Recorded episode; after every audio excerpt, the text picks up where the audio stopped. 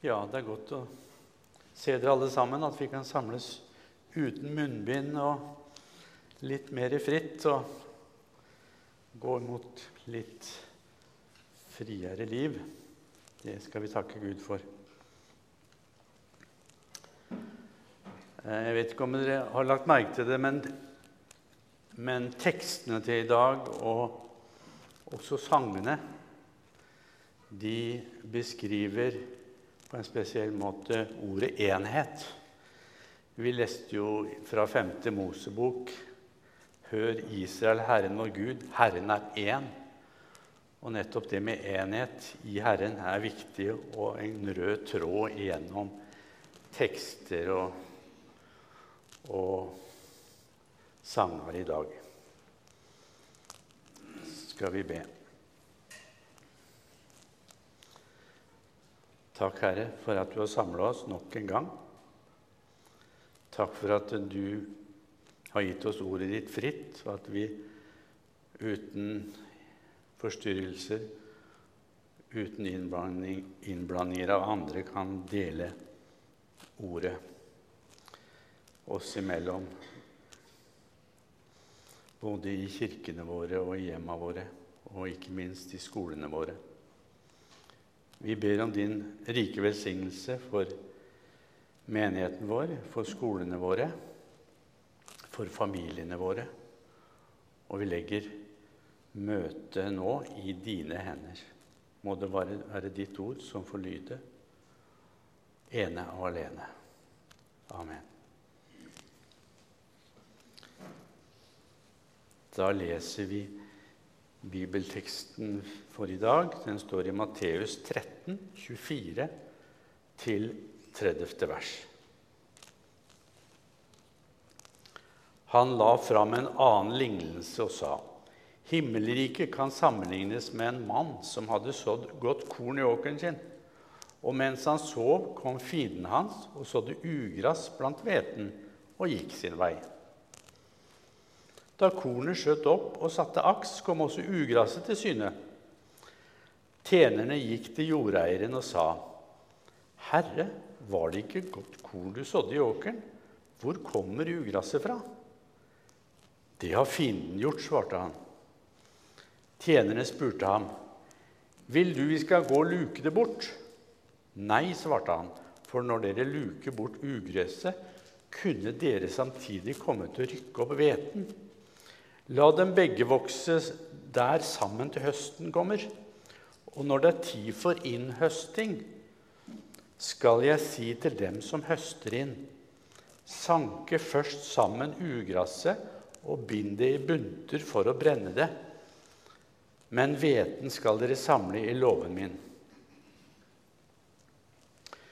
Så skal vi også ta med Jesu forklaring til lignelsen vi nettopp har lest, som står i samme kapittel, vers 36-43.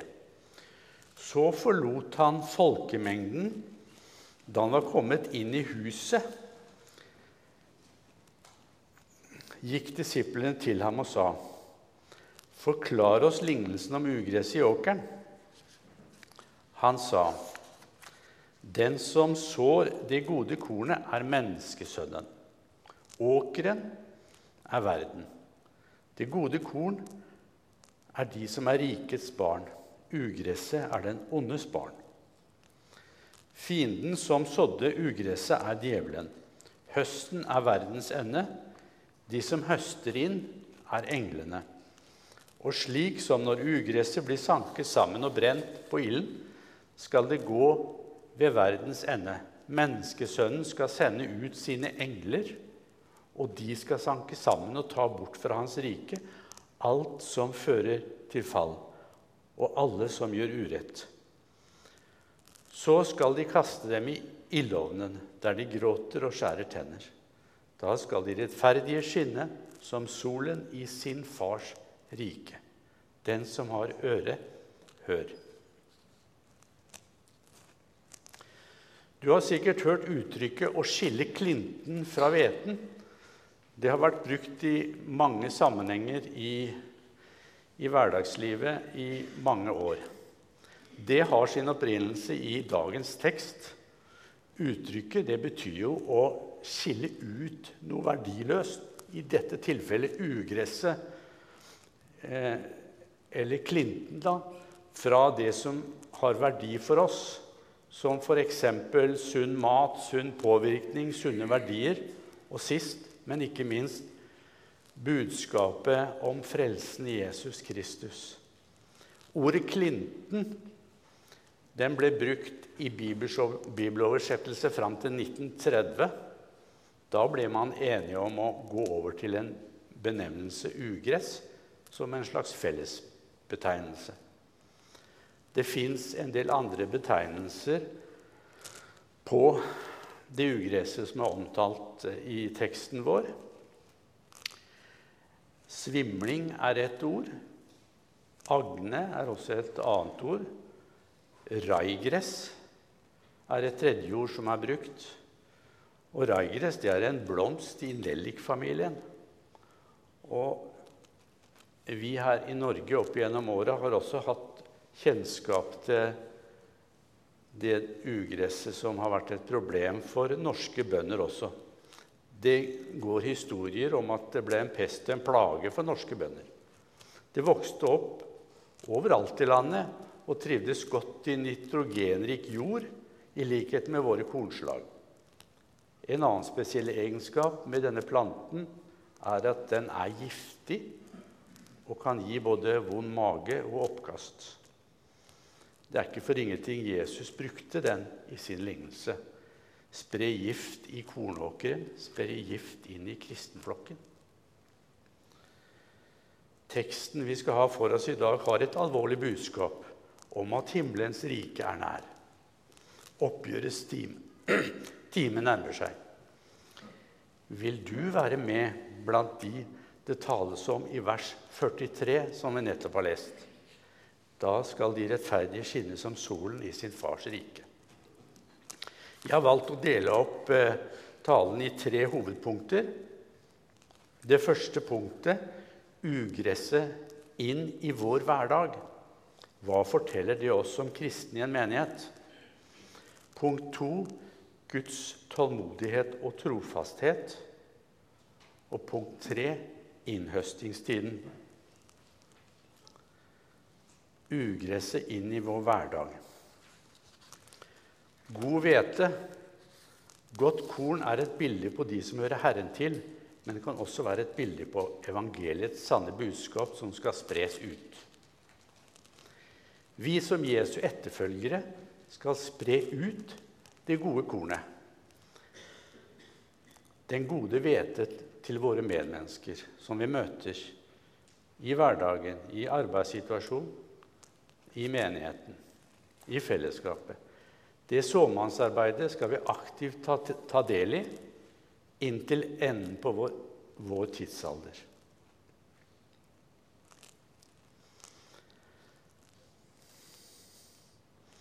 Men så tenker, tenker vi ofte at eh, vi skal ikke ta bort eh, altså Teksten viser oss at vi ikke skal ta bort det ugresset før innhøstingstiden er omme. Jeg må ofte ta inn over meg at jeg tenker og kanskje også sier ting som kan virke dømmende på andre mennesker. Vi, vi mennesker har forskjellige ståsted. Vi har forskjellig utgangspunkt og ikke minst forskjellig smak i forskjellige sammenhenger. Ta f.eks. innen musikk. Selv om jeg ikke liker den og den musikken, betyr ikke det at de andre som liker og utøver den, driver med falsk lære og påvirkning.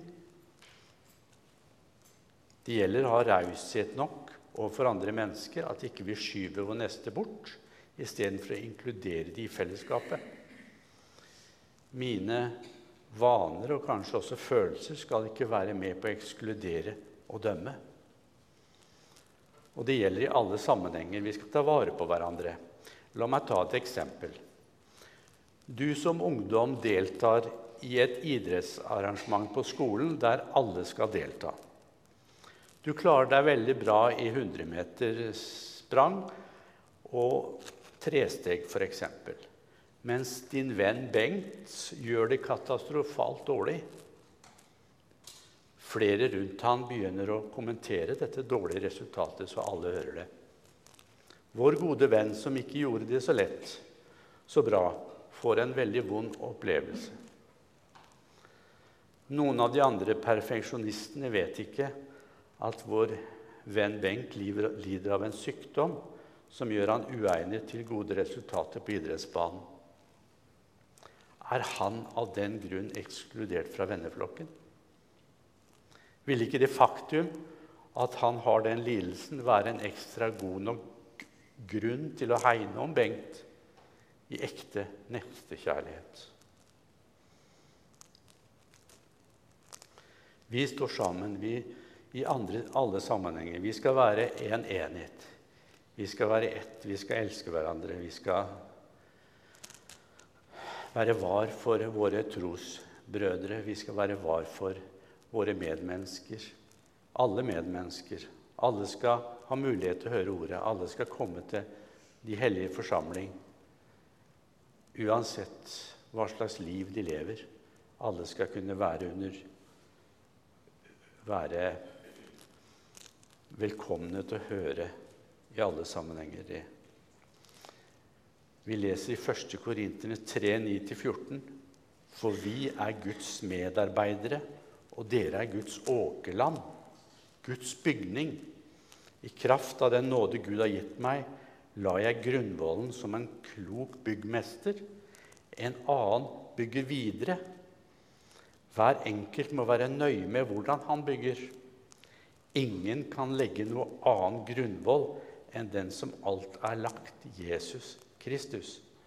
Men om noen bygger på grunnvollen med gull, sølv eller edelstener, med tre, høy eller halm, skal det en gang vise seg hva slags arbeid den enkelte har gjort. Herrens dag skal gjøre det klart, for den åpenbarer seg med ild og ilden skal prøve hvordan den enkeltes verk er. Så det er ikke likegyldig hvordan vi bygger våre liv, hvordan vi omgås med andre. Men vi skal ikke sove på vår vakt. Fienden, djevelen, han kommer med fristelser og innskytelser midt inne i kristenflokken. Det å unnlate å påpeke forhold som vi ikke kan forsvare, forsvare av usunn lære og påvirkning, det blir feil. Selv om ikke vi skal dømme andre, så skal, skal vi ikke la være å påvirke, påvirke, ting som blander seg inn, som er med på å, å ødelegge den sunne lære. Hele Bibelen skal formidles. Dersom deler av Bibelen bevisst unnlates å tale over, rakner frelsesbudskapet. Jesus snakker mye om kristen enhet i den lange bønnen som er gjengitt i Johannes 17. Den som er kalt Jesu ypperste prestelige bønn. Jeg tar med noen vers fra det kapitlet. Vers 20-23. Jeg ber ikke bare for dem, men også for dem som gjennom deres ord kommer til tro på meg. Må de alle være ett, slik du, Far, er i meg og jeg i deg. Slik skal også de være i oss, for at verden skal tro at du har sendt meg. Den herlighet du har gitt meg, har jeg gitt dem, for at de skal være ett, slik vi er ett. Jeg i dem og du i meg så de helt og fullt kan være ett. Da skal verden skjønne at du har sendt meg, og at du elsker dem slik du har elsket meg.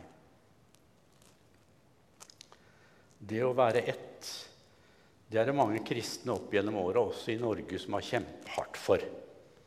En av de som har kjempa veldig hardt for enhet, er Hans Nilsen Hauge. Jeg har akkurat lest ei bok av han.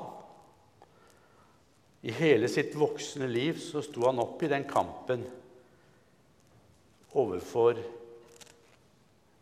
overfor den norske kirkestand. Og han hadde noen voldsomme kamper. Han blei fengsla, han blei ødelagt. Helsa hans ble ødelagt.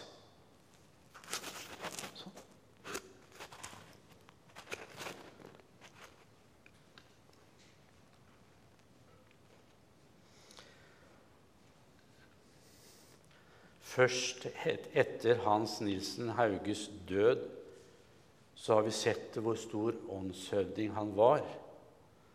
Og hans ettermæle rystet etter hvert grunnvollene på en positiv måte, også inn i den offentlige kirken.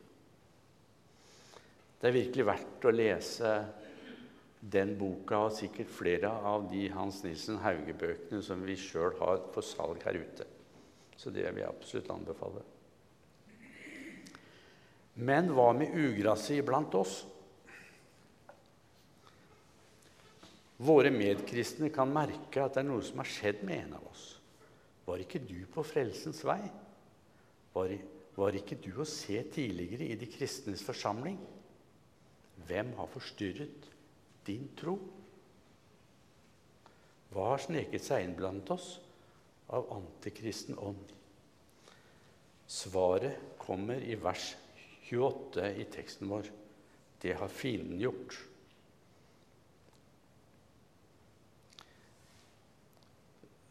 I det kristne fellesskapet er, som vi nevnte, alle hjertelig velkommen. Det skal være åpent og inkluderende. Alle skal ha mulighet for å høre Guds ord i tale og sang. Vi skal være såmenn som sprer ut den gode hveten. Her i teksten blir vi advart mot enhver form for utsortering i menigheten før tiden. Dommen hører ene og alene Herren til. Det er vår oppgave å hate synden, men det er Guds oppgave å ta seg av synderen. I Korinterne 4,5 så leser vi Døm derfor ikke noe, noe før tiden, inntil Herren kommer. Han skal føre mørkets skjulte ting fram i lyset og åpenbare hjertets hjertenes råd. I lignelsen vår er det to som sår. Jesus og djevelen. To typer såmannsarbeid. Der Guds ord forkynnes og forvaltes, er alltid djevelen aktivt med i sitt såmannsarbeid. Bonden han ville vente med å ta vekk ugraset. Han ba tjeneren om å være tålmodig inntil hveten var moden. Han visste at skillet likevel kom til syne en dag. Den dagen da menneskesønnen selv skal sende ut sine engler og be dem gjøre innhøstingsarbeidet og sorteringsarbeidet. Denne prosessen med at fienden forstyrrer skaperverket, startet allerede i Edens hage, der slangen fristet Eva til å tro at den forbudte frukt var godt for Adam og Eva, som vi leser i første Moseboks 3, 4-5. Så kan vi videre se gjennom bibelhistorien mange eksempler på djevelens tjenesteiver. Men det er Gud vendte det onde til det gode. Gud er den sterkeste. Hjemme har vi en andagsbok som er skrevet av Francine Rivers. Hun forteller om en sørafrikansk eviggrønn plante, eller tre er det egentlig, som kalles shepherd's tree. Og shepherds, det vet vi, det betyr jo hyrde, gjeter. Det vokser i Kalahari-ørkenen og kan ha røtter så langt som 68 meter ned i bakken. Det ga ly og næring for både mennesker og dyr. Det blir ofte kalt livets tre. En god symbolikk i det. Livet, hyrden. Den store hyrde. Den store livsgiver.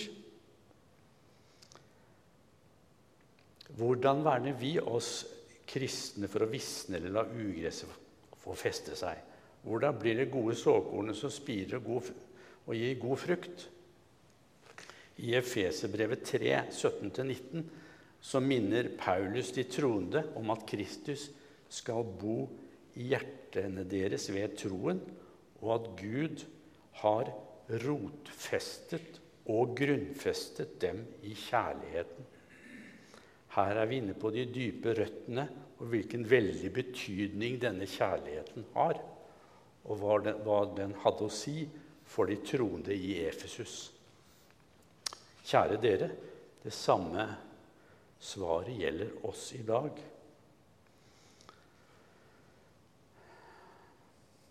Når vi lever i Jesus, lever og hører ordet hans og formidler livet vårt etter ham, nei, former livet vårt etter ham, mottar vi alle de næringsstoffene vi trenger for å vokse, for å vokse i troen på ham. Hver eneste dag trenger vi de næringsstoffene, like fullt som vi trenger næring for vårt legemlige liv. Vi, vi hørte hva, hva, Elisabeth leste fra 5. Mosebok 6, hvordan vi skulle lære opp våre barn i hus og hjem. Vi trenger den næringa hver dag. Les, les de versene fra 5. Mosebok igjen. De er virkelig noe livsvisdom som vi må ta med oss. Gjør vi det, visner vi ikke, men blir eviggrønn slik som Steff Shepherd's Tree.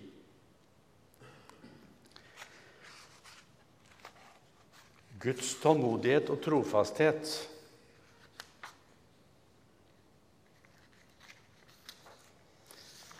Gud har lovet å være med sine troende barn til alle tider. Jeg er med dere alle dager inntil verdens ende, sier han jo i ordet sitt. Og han sier også, 'Kom til meg, alle dere som strever og har tungt å bære, og jeg vil gi dere hvile.' Hvile fra presentasjonspress, hvile fra forventningspress, hvile fra fristelser, hvile i hans invitasjon.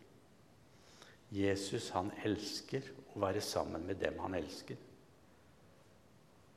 Det er ikke slik at på tirsdag er han helt borte vekk, mens på søndag så stakk han innom igjen. Nei, han er til stede alltid i enhver sammenheng i livet til den som tror. Du skal legge merke til i ditt eget liv ingen del eller hendelse i livet ditt er Gud fraværende. Selv i de små opplevelser er Guds finger med. Livet du er gitt av Gud, er et eneste stort og ubeskrivelig mysterium.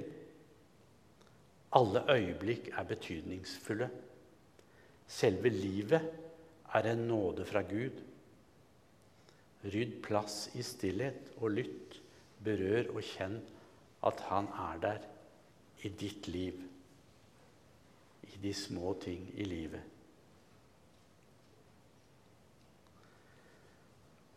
Innhøstningstiden, innhøstningen. I vers 23 før vår tekst er det snakk om frukt som bæres fram av god jord. Frukt ble brukt som et bilde på lydigheten mot Guds vilje, som skal få sin lønn i Guds høst, i dommen. Når Jesus bruker ordet høst, henviser han til enden på denne tidsalderen. Oppgjørets time. Guds rike vekstperiode er tidsalderen mellom Jesu første og andre komme. Ved Jesu andre komme skal høstfolkene starte sorteringsarbeidet mellom hveten og ugresset. Guds rikets barn og Satans barn. Denne endelige kjennelsen er det kun Jesus som skal stå for med sine høstfolk, englene. I Salme 126, vers 5-6 står det De som sår med tårer, skal høste med jubel. Gråtende går de ut og bærer sitt såkorn. Med jubel kommer de tilbake og bærer sine kornbånd. I kapitlene 24 og 25 Matteus, så er det tale om trengselstiden og dommen og oppgjørets time. Også i Johannes' åpenbaring 2021 så, så står det en del om det samme. Det fører for langt å ta fram noe av det nå, men jeg anbefaler dere å ta fram de kapitlene og dvele litt med det når dere kommer hjem. Så det er godt å vite at Gud er med sine barn inntil den store innhøstingen. Så blir det store spørsmålet til meg og til dere Er vi godt korn eller dårlig korn i Guds åker i den nådetiden som vi har igjen fram til den endelige dommen? I salmeboka vår, i den blå salmeboka så har vi en salme på som står på 518. På slutten av siste verset så står det Og når du en gang din hvete skal høste, samt meg da i dine kornlager inn. Kornlader står det, men jeg har valgt å oversette det til kornlager for å gjøre det litt mer forståelig. Det er en fin bønn å å legge hjertet sitt i. I dag har vi muligheten. I dag I morgen kan det være for seint. I dag er nådens tid. I dag er Gud å vinne.